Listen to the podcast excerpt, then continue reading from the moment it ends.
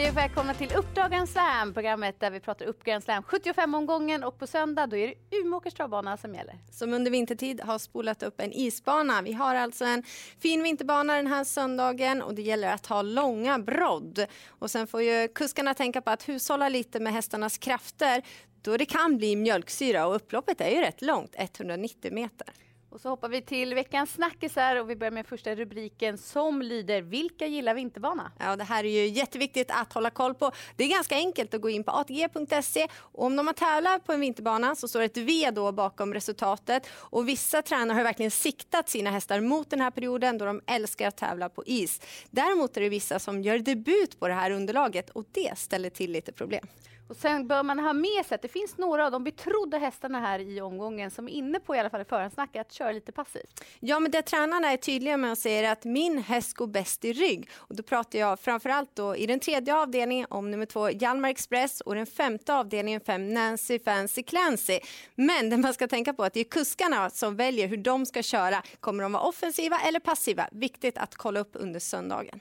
Och den sista rubriken lyder, det är några hästar som står tufft inne sett insprungna pengar under söndagens omgång. Ja, även i autostartlopp, men det du tänker på framför allt är ju storspjuven nummer sju i den fjärde avdelningen. Han står alltså 20 meter sämre till gentemot hästarna han startade på samma volt med senast, så det är tufft.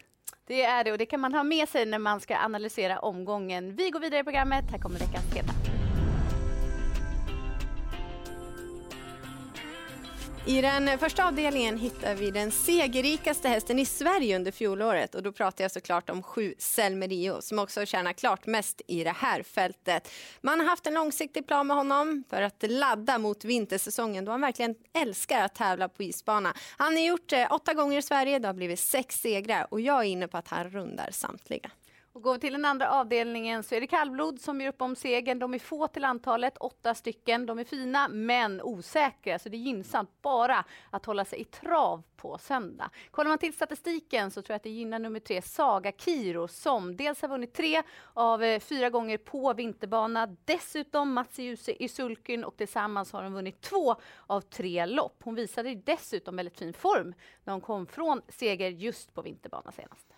Och den tredje avdelningen så har ju nummer fyra Juventus ingen vacker resultatrad. Det har blivit många galopper. Ändå väljer jag att lyfta fram honom. För om han fungerar, då tror jag att han blir svårslagen. Han var jättefin vid segern och tränare Malin Åberg gör ju alltid sin makt för att lösa det här problemet. Åberg som också kan blicka tillbaka till ett fint fjolår då hon nästan körde in en halv miljon kronor och hade 16 i segerprocent. Återigen kallblod i den fjärde avdelningen och här vill jag lyfta fram nummer två Holms Hercules som är yngst i fältet och gör debut på vinterbana. Det är alltid lite spekulativt men jag tror i alla fall inte att det är något minus för hans del. Han har visat fin form här under vintern. Två segrar har blivit på fyra försök. Dessutom har han visat gång på gång att han kan öppna bra ur eh, volten och han har sprungit i ledningen åtta gånger. Det har resulterat i sex segrar så jag kan inte tro annat än att Ova Lindqvist han tutar och kör. Och den sista heta hittar vi hos veckans profil som den här gången är en tränare som alltid har fin segerprocent och har en häst som jag är väldigt spänd på. Och det är Elisabeth Lundholm som vi pratar om och så här säger hon om sina två hästar ut på söndag.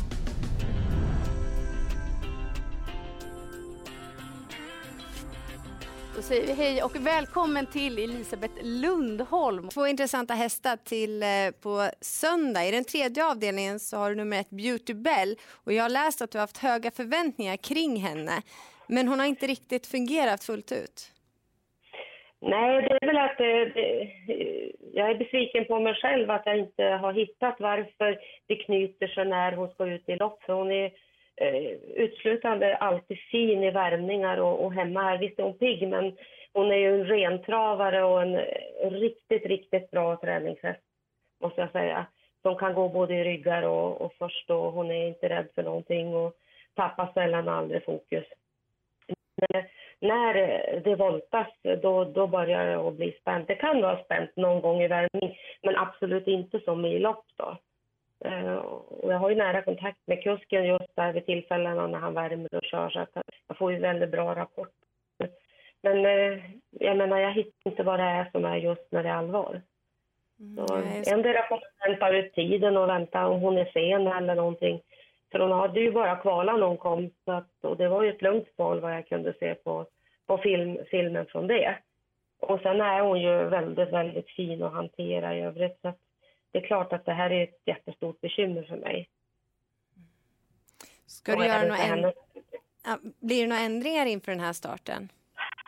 Nej, jag har laborerat lite grann med see back och sådär. Det går hon ju med i, i träning i och med att vi kör mycket kvällstid när, eh, och då har vi ju lampor och, och sådär. Det vill jag inte att de ska bli bländade. Så see back är ju någonting hon, hon har haft sedan hon kom. Så att det är inga konstigheter. Men, men ibland tar jag av dem och det blir ingen skillnad i, när det gäller lopp. Okej, okay. då går vi vidare till avslutningen där du har nummer 12 Chic som gjorde debut i din regi senast och eh, det var ju en väldigt fin upphämtning efter galopp. Ja, hon, hon, eh, det var inte så att, att eh, hon blev störd på något sätt men hon, enligt kusken så blev hon väldigt om jag säger tagen på, på sängen eller vad man ska säga. Hon blev väldigt överraskad av att eh, den inre hästen var väl lite snabbare och kom ganska fort där och hon hade väl Constantine back då. Det var ju, hon, hon, har väl gått med öppet som jag har sett på loppen då. Så nu hade jag satt dit de där muddarna bara för att hon hade tränat så fint med dem. Och, eh, men sen så samlade hon ihop sig och, och matade in de där metrarna på ett väldigt, väldigt fint sätt. Sen var det ju första gången vad jag kan förstå på långa isbrodd så att hon gjorde det extremt bra. Så utan galopp så hade hon ju varit med eh, ännu längre fram där så att säga. Det, det finns ju, hon var absolut inte trött när hon kom in. Tror du att hon har gått framåt med det loppet i kroppen också? Det vet jag att hon har gjort för att eh, det, det är sällsynt att en häst tar till sig Eh, på bara några veckor, de rutiner vi har här hemma. Men hon har varit så positiv sedan hon kom och, och eh, hon tränar. Sen att det går kväll så var man ju lyrisk. Och det är, det är en speciell känsla. Det, den, kan man, den kan man somna skönt med. det förstår vi. Och det är ganska tydligt då vem som är bästa chansen också på söndag. Ja, så är det väl. Det, det, jo, men det, det, det är tveklöst. Och även om spåret naturligtvis, så förstår jag att, eh, att hon inte kommer bli så himla betrodd med tanke på att det är kortdistans och ett dåligt spår. Men det är väl mycket som kan hända. Så att, eh, hon är stark och hon har blivit bara bättre på de här broddarna. Mm. Hon har också tränat med dem i och med att vi har lite isigt underlag på vissa ställen. Så att hon blir säkrare och säkrare på den biten också. Blir det någon ändring på henne? Um, jag hade väl tänkt halvstängt, men jag tror att jag kommer att, uh, att ha samma, precis samma. För att det gick så bra sist så tänker jag att hon måste få, det måste få sätta sig bara. Att jag ska mm. inte ändra för mycket bara för att det gick bra ett lopp. Det låter klokt det. Tack så mycket för informationen och vi håller tummarna på söndag. Ja, tack så mycket. Hej då. Och Jennifer, du var inne på det här spåret innan vi pratade med Elisabeth. Ja, men jag tycker 12 chic i avslutningen är otroligt het. Alltså väldigt spännande. Jag vet att hon har väldigt många runda, men med senaste intrycket, jag måste tro på henne. Mm. Då tar vi oss vidare i programmet, för nu är det dags för veckans Kalla.